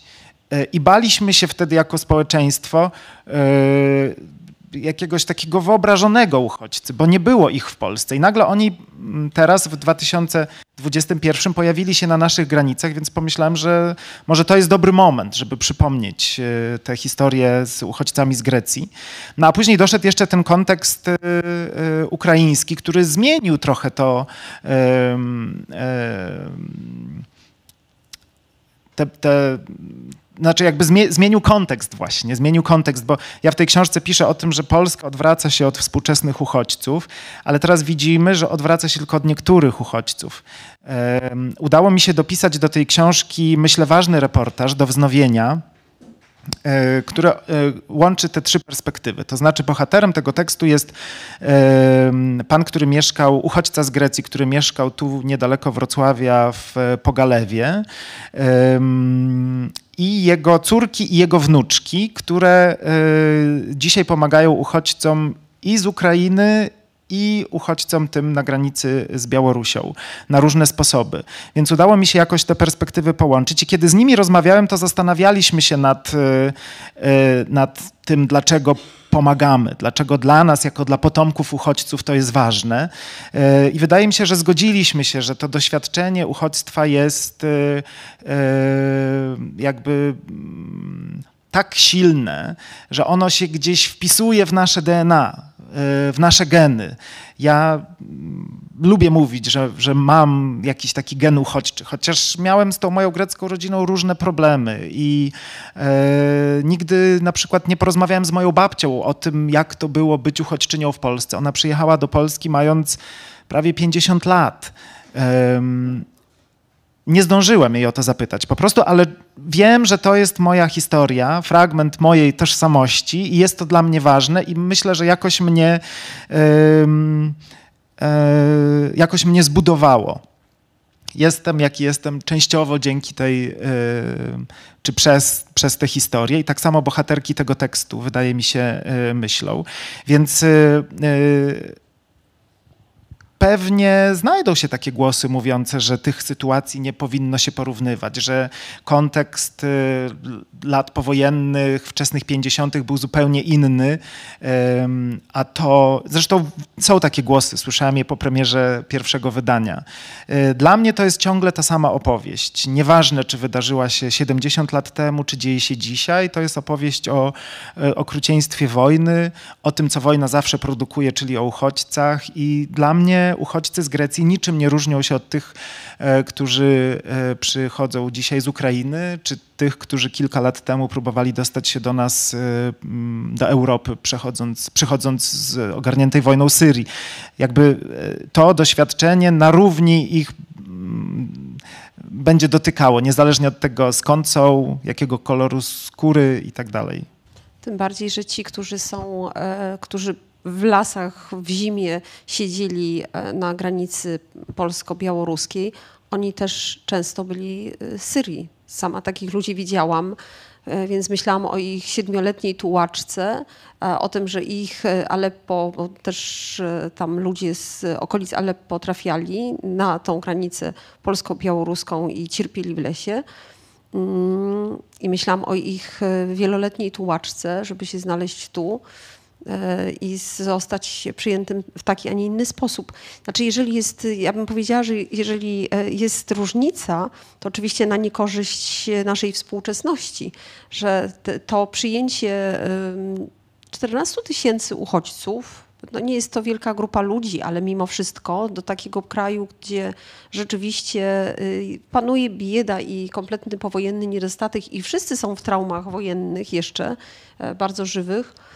E, I jak gdyby ta decyzja i to zaangażowanie wielu lekarzy, wielu polityków, nawet właśnie takich ludzi jak e, Wacław Komar, e, ojciec Michała Komara, on tutaj też Tak. wydaje się mi niesamowicie ważną postacią. Także ludzie, którzy się absolutnie angażują w to, żeby pomagać, żeby organizować całą tą logistykę tego przedsięwzięcia. No teraz y, logistyka poszła zupełnie w co innego, w przemoc, w torturowanie dosłownie tych ludzi. Ja mogę tylko jedną scenę powiedzieć, y, mm, tak e, konkludując y, te różnice, w jaki sposób traktujemy uchodźców, że y, w Hajnówce jest parę takich dużych sklepów y, i w jednym z nich zaraz po 24 lutego y, pojawiła się wielka skrzynia na dary dla uchodźców z Ukrainy, oczywiście z flagą ukraińską i tak dalej. A wcześniej przez e, e, kilkanaście, no kilka miesięcy, powiedz, powiedzmy od jesieni, e, uchodźcy y, z Bliskiego Wschodu byli za płotem, dosłownie za płotem tego, e, również za płotem tego e, e, sklepu, ponieważ oni, ich obozowiska można było zobaczyć w takich laskach przy samej Hajnówce i w samej Hajnówce, dosłownie w mieście. E, I nikt wtedy żadnej e, skrzyni na dary dla tych uchodźców nie wystawił. I to e, jest dla mnie taka kwintesencja tego traktowania różnego. I kiedy zaczynamy o tym mówić, oczywiście serce mi galopuje, czy serce mi się rozpędza, używam twojej metafory, którą bardzo lubię i dlatego oddam głos Państwu i zapytam, czy ktoś z Państwa miałby ochotę zadać naszemu gościowi pytanie.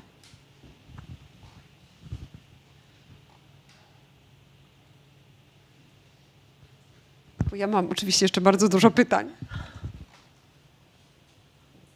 A ile miałeś lat, kiedy zmarła twoja babcia?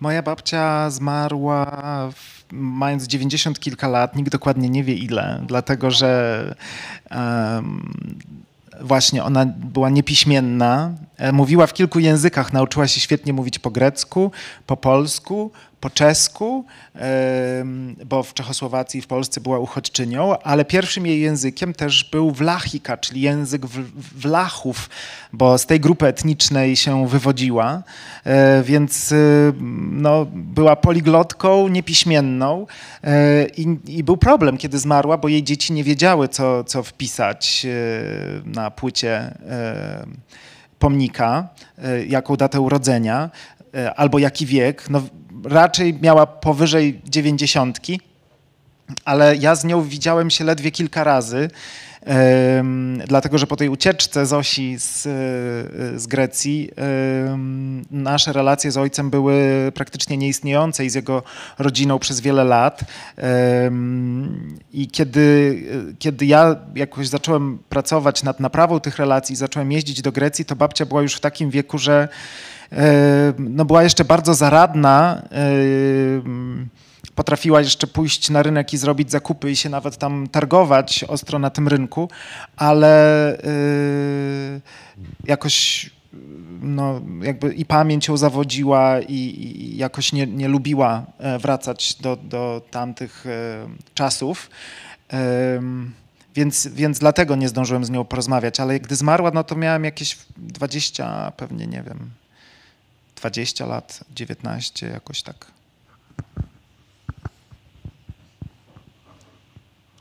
Je- Jeszcze tak sobie myślę a propos tego, co powiedziałaś o, o, o tym właśnie, o tej różnicy. Myślę, że to jest bardzo ważne, że faktycznie em, y, z jednej strony e, mówimy o ludziach, którzy nie wystawili tych skrzynek na dary, ale z drugiej też sobie myślę, że to jest jakieś pokłosie tej straszliwej narracji, która towarzyszy, prawda, temu em, e, całemu zjawisku, e, temu całemu kryzysowi. E, Bo kiedy przyszło nam wysyłać samoloty po uchodźców z Afganistanu i kiedy TVP nie szczuła na tych ludzi i kiedy rząd podejmował decyzję właśnie, żeby ich ratować, to nasze, y, nasza reakcja była pozytywna, nasza jako polskiego społeczeństwa. Ale kiedy y, ci ludzie na bagnach, y, puszbakowani w tej i z powrotem, byli opisywani w mediach jako e, najeźdźcy, jako ci, którzy prowadzą z nami wojnę hybrydową, e, no to te reakcje były inne. Jakby chcę podkreślić tylko bardzo mocno rolę tej takiej politycznej, dominującej narracji, która może bardzo wiele i politycy niestety są tego świadomi i wiedzą, że na strachu e, e, można ugrać dużo więcej niż na, albo nie, nie dużo więcej, można ugrać dużo łatwiej e, cokolwiek, aniżeli na takiej, e, bo, bo jestem sobie w stanie wyobrazić, że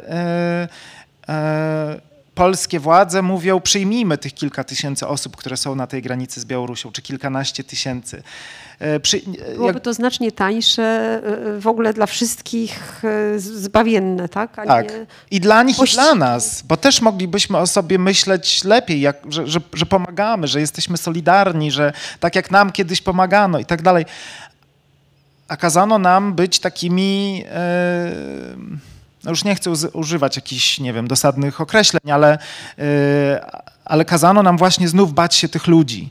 E, ale moja wyobraźnia może nie jest jakoś, nie wiem, nieskończona, ale naprawdę e, jest w stanie wyobrazić sobie taki typ przekazu, który, który poszedłby w zupełnie inną stronę i, i wtedy nasze, myślę, reakcje też byłyby inne. Już wystarczyło nie przeszkadzać i nie prześladować, Tak, i nie robić tak. usnaszu, bo przecież ci ludzie się pojawiali na granicy od początku wiosny i przemykali przez tą granicę i dopiero w pewnym momencie państwo polskie postanowiło się z nimi rozprawić i zrobić, zjednoczyć społeczeństwo wokół flagi oczywiście, ale ja chcę powiedzieć też, że y, y, zgadzam się absolutnie, że tutaj ta... mm, ta narracja oficjalna, która zostanie narzucona, ona w ogóle ustawia też społeczeństwo i to jest w ogóle przerażające, dlatego że te pościgi, które się odbywały przez e, zimę i jesień e, na granicy polsko-białoruskiej e, i to odwracanie się społeczeństwa e, e, lokalnego, oczywiście nie mówię tego w sposób wartościujący, ale ponieważ to widziałam to do tej pory, jak gdyby e, myślę sobie, że e, te reakcje, one właściwie przypominały znowu bardzo ponure e, historie z przeszłości, że ludzie po prostu zamykali e, e, oczy, drzwi, okiennice i tak dalej i nie widzieli, nie chcieli widzieć, udawali, że nie widzą. I jeszcze tylko dodam a propos uchodźców z Afganistanu, ponieważ akurat fundacja, którą próbuje tworzyć, ona w jakimś sensie też y, próbuje objąć pomocą prawną Afgańczyków, y, którzy y, zajmowali się czy współpracowali z, polskim, z polską ambasadą e, wtedy, kiedy w Afganistan nie był jeszcze w rękach talibów. I muszę powiedzieć, że ci ludzie teraz mają w ogóle nie, nie mogą w żaden sposób uciec z, z Afganistanu, ponieważ nie dostają wizy do żadnego e, kraju, który mógłby dać im azyl. Chociaż mogliby do Pakistanu, z Kabulu przedostać się do Pakistanu i mogliby dotrzeć do pakistańskiej, e, do polskiej ambasady w Pakistanie. Gdyby, gdyby tam dostali wizę, mogliby się przedostać, bo są byłymi współpracownikami polskiej ambasady. I e, nasi prawnicy e, próbują wynegocjować te e, promesy wizowe i to się nie udaje. Także tutaj, jeżeli komuś się wydaje, że my inaczej traktujemy, czy lepiej troszkę traktujemy uchodźców z Afganistanu, to absolutnie tak nie jest. To znaczy ta garstka, która się przedostała tymi kilkoma samolotami rządowymi, które zostały wysłane w pierwszych dniach katastrofy, ona się przedostała, ale ci wszyscy, którzy są ich y, braćmi, y, ludźmi, którzy też bardzo mocno byli zaangażowani w tę pracę, y, y, y, byli polskimi tłumaczami, czy pracowali jako, jako tłumacze dla Polaków, oni tam są i nie mają żadnej szansy na wizę polską. E, mm, Czy mają Państwo jakieś pytanie? Komentarze? Któraś z książek na grecki została przetłumaczona? Tak, Gorzkie Pomarańcze e, już kilka lat temu. E, Bardzo bym chciał, żeby Nowe Życie wyszło w Grecji, dlatego że i tam ta historia jest e, mało znana. Ale mm, problemy są dwa. Takie, że Grecy nadal radzą sobie jakoś tam lepiej lub gorzej z kryzysem, ale jednak ten kryzys trwa i wydawcy nie mają pieniędzy. A druga sprawa jest taka, że w Grecji reportaż nie jest gatunkiem e, popularnym, znanym. Nie mają takiej tradycji e, e, reporterskiej, jaką mamy my. I te książki są trudne dla nich. Akurat Gorzkie, gorzkie Pomarańcze zostały dobrze Czyli przyjęte. skończyli na Homerze, tak?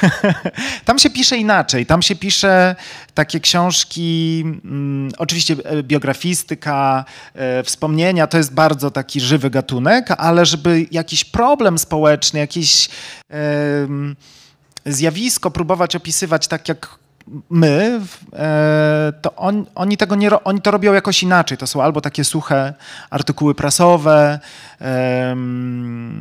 no w każdym razie nie ma, nie ma takiej, oczywiście mm, są jakieś wyjątki, y, ale ta tradycja tam się jakoś nie wykształciła albo nie przyjęła, więc y, nie tylko ja, ale wielu innych polskich reporterów nie jest tłumaczonych na grecki, myślę z tego powodu. E, aczkolwiek myślę, że tak, że, że jak coś jest, tak samo jak my lubimy tłumaczyć książki, które mówią o Polsce na polski, które napisał ktoś z zewnątrz, tak myślę, że oni też e, te historie chcieliby poznać, więc liczę bardzo bym chciał, żeby, żeby ona została opowiedziana tak, że częściowo, żeby jakoś pomóc niektórym bohaterom tej książki, czyli tym, którzy kiedyś mieszkali w Polsce i wrócili do Grecji, bo oni są e, bardzo taką specyficzną grupą o takiej podwójnej albo bardzo złożonej tożsamości. W Polsce zawsze byli Grekami, a w Grecji, kiedy wrócili, byli Polakami albo przynajmniej Grekami z Polski, albo komunistami, niezależnie od tego, że na przykład nie musieli się identyfikować z tą ideologią, e, ale byli jakoś obcy. E, I myślę, że częściowo dlatego, że właśnie ta ich historia nie zaistniała, nie była e, opowiedziana. Więc to myślę, byłby jakiś pożytek z tego. Widziałam, że pan ma też pytanie. Y, Tak? Wspomniałeś o tym, że, e, że e, tak jak w Salonikach w Grecji mieszkali e, twoi dziadkowie, czy w ogóle e, osoby na wiosce, że nie bywali w Salonikach czy w Atenach. Ale to mamy w dzisiejszych czasach podobnie. Ludzie, e, którzy e, funkcjonują praca, dom, ogródek, działka, nie mają e, żadnego pojazdu, nie byli we Wrocławiu ani w Warszawie. Dlatego na to zwróciłem uwagę, bo No ten świat moich dziadków i, i, i ich sąsiadów i krewnych z tej wioski Langadia naprawdę był bardzo mały. Em, do, do, do miejscowości, która, do, do jakiegoś miasta takiego większego, które było E, najbliżej szło się albo do lekarza, albo po to, żeby zarejestrować urodzone dziecko, now, nowo urodzone dziecko i, e, i rzadko się takie wyprawy zdarzały. E, wy akurat wiecie, wiem to, jak wyglądają te wioseczki greckie dzisiaj i, i na pewno też spotykaliście starszych mieszkańców tych, tych okolic. No, też mamy rok 2022, a nie tam, nie wiem, 40 któryś, ale... ale to są takie no, bardzo, myślę, nadal nie, nierozwinięte rejony, trudne. Świat dzisiaj jest bardziej otwarty niż był wtedy, ale nadal e, dla wielu Greków ich światem jest ich wioska, ich region. Zresztą i o tym z kolei dużo pisze w Zachodzie Słońca, że ta wioska ma dla Greków e, kolosalne znaczenie, ta wioska, z której się pochodzi. To wyznacza Grekom tożsamość ich rozmówcy. Kiedy pytają, skąd jesteś, pyta, a zawsze o to pytają, kiedy się pozna jakiegoś Greka czy Greczynkę, to zawsze pada to pytanie, a po puise. To pytają właśnie o tę wioskę, um, o wioskę ojca. Um, tak.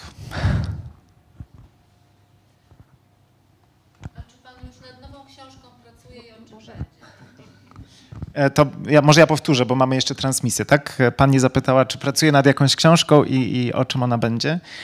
E, napisałem taką małą książeczkę dla dzieci o Grecji, która wyjdzie w przyszłym roku w wydawnictwie Dwie Siostry. E, to jest taka seria dla dociekliwych. Powstają takie książeczki o różnych krajach. No i pracuję nad kolejną książką kucharską na razie po Kalimerze. Natomiast e, nie mam pomysłu jeszcze na reportaż. Chętnie przyjmę jakiś ciekawy, ciekawy pomysł na kolejny reportaż.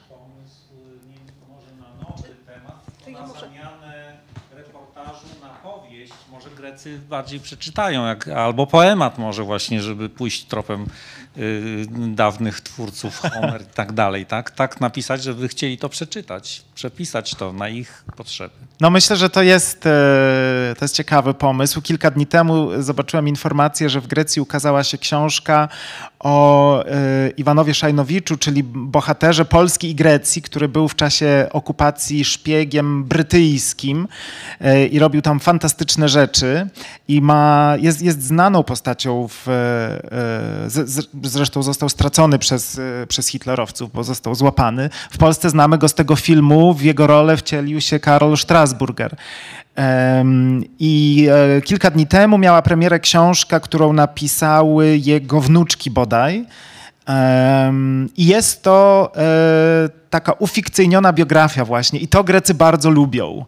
Dla nas myślę to jest taka dziwna, dziwny gatunek literacki. Ja sam nie bardzo lubię takie książki, bo zawsze się zastanawiam, nad tą kategorią prawdy w tej książce i, e, i lubię mm, znać przynajmniej czy, mm, do jakiegoś stopnia to rozgraniczenie, ale w takiej książce, w takiej e, ufikcyjnionej biografii to ciężko powiedzieć, co jest wymyślone, szczególnie w przypadku takiego życiorysu. Ale może to jest jakiś pomysł, tak, pomyślę. Dziękuję. Teraz takie filmy, tak, które są właśnie sfabularyzowane, niby historyczne, prawie że dokumentalne. Ja akurat telewizji nie mam, ale wiem od mojej mamy, że ona takie rzeczy lubi oglądać, ale nie jest greczynką. To ja jeszcze może nie tyle pytanie, co taki krótki komentarz, bo tak e, porównując tą sytuację dzisiejszą e, do tej sytuacji uchodźców z Grecji, to tak sobie myślę, że chyba mamy szczęście. Mówię mamy, bo też mam ten gen uchodźczy. E, mój ojciec jest dzieckiem, które przyjechało tutaj, spędziło dzieciństwo w domu dziecka. Myślę sobie, że mieli szczęście, że była to tajemnica.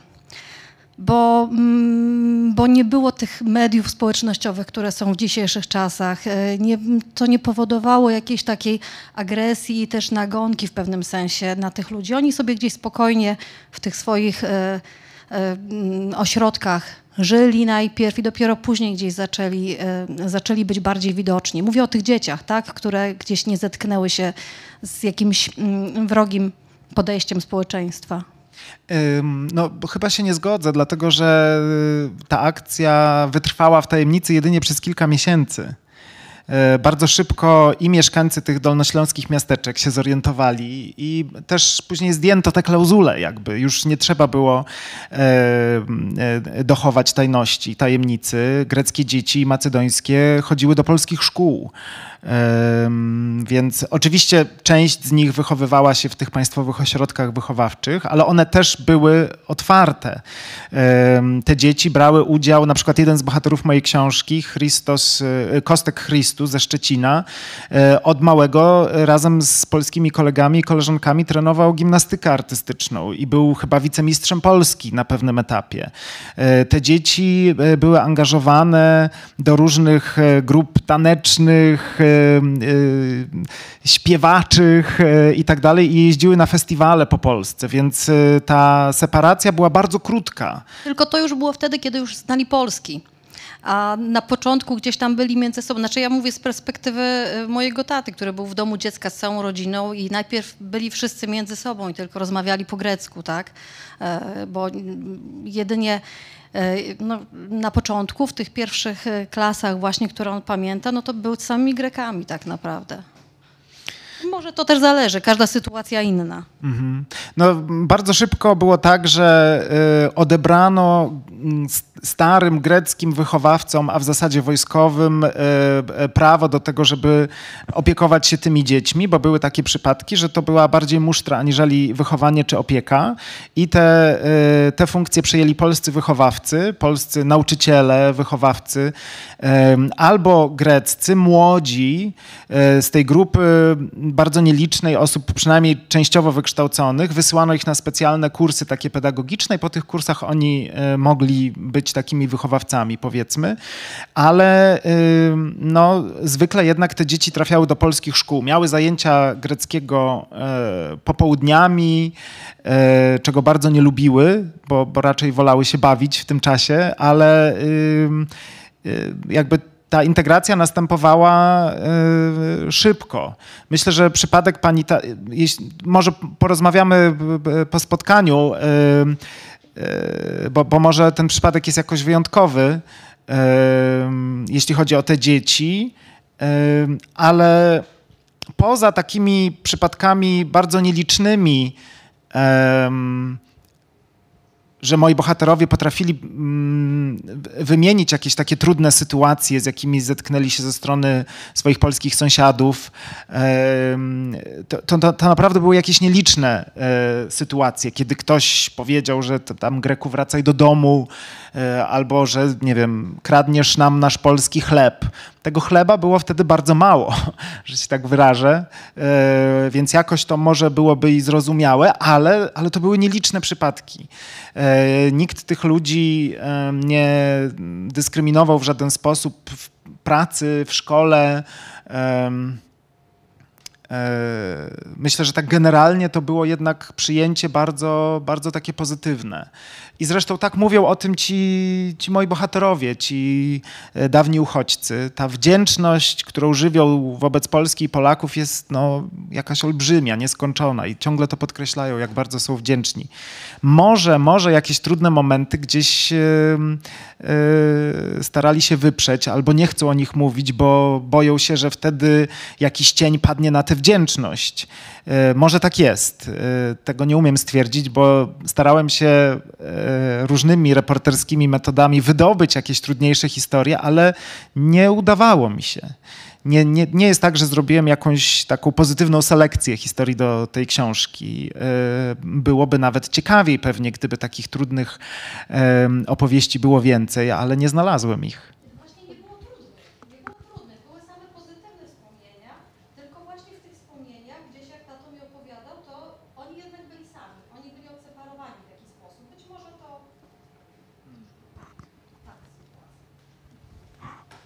Czy można pytanie? E, Przy zbieraniu materiałów e, do reportaży, e, czy udało się może panu zweryfikować, jaka jest opinia uchodźców, którzy wrócili do Grecji po pobycie w Polsce na temat działalności Złotego Świtu? E, i tych wszystkich sytuacji związanych z działalnością liderów, e, tym, co się działo na greckich ulicach, tym, jak e, ci współcześni uchodźcy z punktu widzenia tych starych uchodźców byli traktowani, czy, czy jakieś opinie, ewentualnie spostrzeżenia były na ten temat? To jest e, skomplikowana sprawa i myślę bardzo ciekawa, e, bo to jest tak, że ci ludzie, którzy wrócili do Grecji, oni są do dzisiaj e, w większości wyborcami partii komunistycznej, bo mają jakieś takie poczucie obowiązku.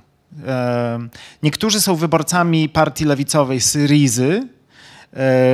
Mało jest wśród nich wyborców prawicowych partii greckich, ale ten e, em, e, temat kryzysu uchodźczego, e, uchodźców poróżnił ich bardzo między sobą. Mimo tych afiliacji politycznych takich lewicowych, e, oni często niestety są,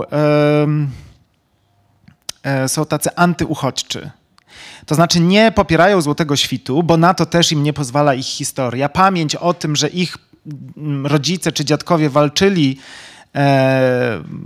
w ramach Elas Eam z e, hitlerowcami, absolutnie nie pozwala im popierać czy tolero- tolerować neofaszystów ze Złotego Świtu. I tutaj naprawdę nie spotkałem się z żadnym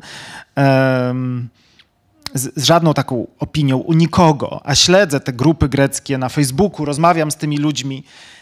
Ale jeśli chodzi w ogóle o uchodźców, którzy przybywają do Grecji, to wielu, wiele z tych osób, mieszkających teraz w Grecji, tych naszych polskich Greków, faktycznie y, no, mm, prezentuje taką postawę problematyczną, taką antyuchodźczą, że już za dużo, już nie pomieścimy ich więcej, Y, że nasze doświadczenie było inne, bo myśmy szanowali polską kulturę, tak jakby z, oni z założenia, prawda, mówią, że ci przybysze nie będą szanować greckiej kultury co, czy europejskich wartości, cokolwiek to znaczy.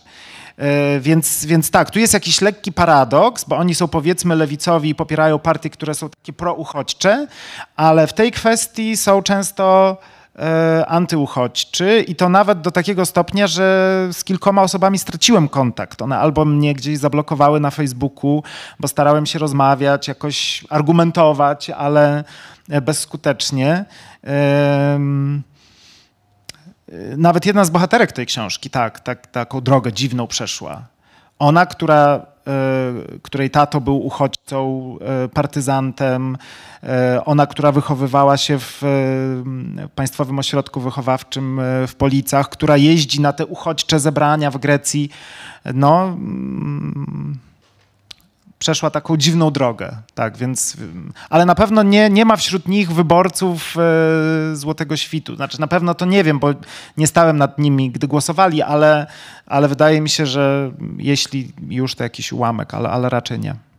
To w sumie dobrze, ale y, to jest bardziej z, tak z perspektywy tego, w jaki sposób oni się wypowiadają, to jest bardziej kwestia reakcji na kryzys, y, lęku przed y, nie wiem, biedą, ubóstwem, utratą pracy, jakieś takie poczucie zagrożenia z tej strony, czy to jest kwestia bardziej propagandowa i tego, w jaki sposób kreuje się no, postać uchodźcy też w gruncie rzeczy w podobny sposób jak u nas w Grecji przez i rządzących i, i osoby, które gdzieś tam w tym mainstreamie najczęściej występują i najczęściej na ten temat się wypowiadają. Jest tu jakaś, y, jakiś kierunek, który, który można y, jakoś opisać. pewnie wszystkie te powody, które pani wymieniła, plus to, że oni jednak żyją w Grecji, e, są zanurzeni w, w tej narracji e, greckiej, w greckiej kulturze i tak dalej. I e, niektórzy z nich, e, ponieważ mają właśnie taką trudną, złożoną tożsamość, to starają się udowodnić, że są bardziej greccy niż pozostali Grecy. Jakby to, że ktoś im zwraca uwagę, że oni przyjechali z Polski, z komunistycznego kraju, że może nie są takimi pełnoprawnymi Grekami, jest dla nich tak trudne i bolesne, że robią co mogą, żeby, żeby podkreślić e, tę swoją e, etniczną czystość. I wydaje mi się, że e, w takiej sytuacji, kiedy gdzieś na granicy pojawia się jakiś obcy, jakiś wróg, to, to zawsze jest tak, że, że społeczeństwo się jakoś jednoczy przeciwko niemu. O tym pisał Bauman dużo, że, że, że to jest taki moment, w którym zaczynamy definiować naszą tożsamość na nowo. E, No i oni wtedy właśnie są tacy jeszcze bardziej greccy versus ci najeźdźcy, prawda? Żeby, mm, myślę, że tu może taki mechanizm e, zachodzić, ale nie są w tym jedyni, bo w ostatnich latach spora część greckiego społeczeństwa jest właśnie taka. Jest, e, i, I o tym dużo pisze w Zachodzie Słońca, opisując to, co się działo na pograniczu grecko-tureckim w 2020 roku a co później się powtórzyło u nas na granicy z Białorusią, praktycznie jeden do jednego. Wtedy, e, jeśli spojrzeć na sondaże, to 80% Greków popierało działania greckiego rządu, e, czyli na przykład zawieszenie możliwości ubiegania się o azyl dla uchodźców, niewpuszczanie tych ludzi, których Erdogan tam wysłał, e, pushbacki. Wtedy w Grecji zaczęły się pushbacki. I też nikt przeciwko temu, poza grupą aktywistów, e, nie protestował. To znaczy społeczeństwo jako większość społeczeństwa nie protestowała. I oni są w tej większości, w tym, w tym sensie. Czy ktoś z Państwa ma pytanie jeszcze? Naszego gościa? To czy ja mogę tylko tutaj dodać, że ja bym powiedziała, że pushbacki em, greckie są jednak nieporównywalne, dlatego że nie narażały ludzi na utratę y, życia. Być może też y, tam w rzece utonęli e, ci uchodźcy przepychani przez Greków z powrotem do Turcji, ale na pewno po prostu skala cierpienia wynikająca z tego, że się siedzi w mrozie, w zupełnie ciemnym lesie e, przez wiele dni jest nieporównywalna z jakimikolwiek innymi pushbackami, które się odbywały na południu, tak? No, no, Czy w Hiszpanii, e, czy w Grecji. To chciałam tylko tutaj dodać, nie wiem.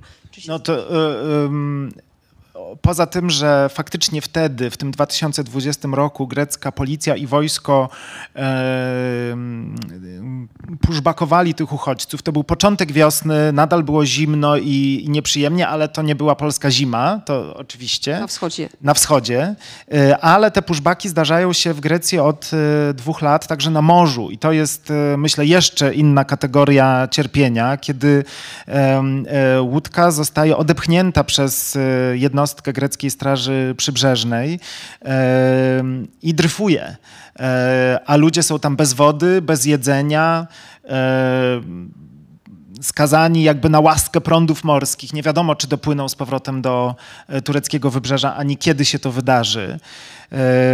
I są przypadki, y, że w czasie właśnie tej, te, te, tego zetknięcia się, że, że osoby wpadały do morza.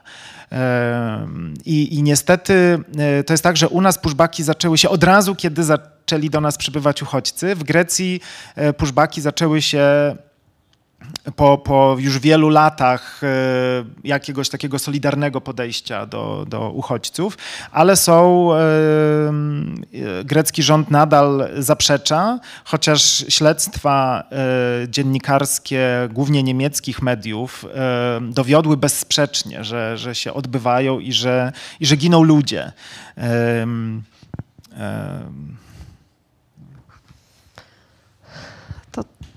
To też strona Europy. Czy mamy jeszcze jakieś pytania? Chyba nie.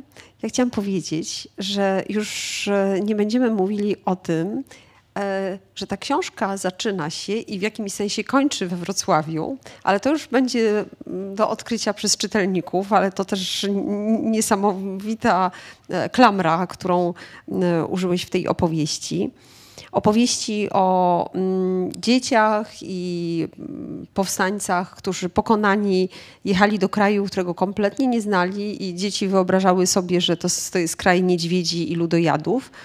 E, A jechali, jak się e, wyraziłeś, czy jak napisałeś, e, z kraju akacji o pniach jak noga kurczaka i kulistych koronach.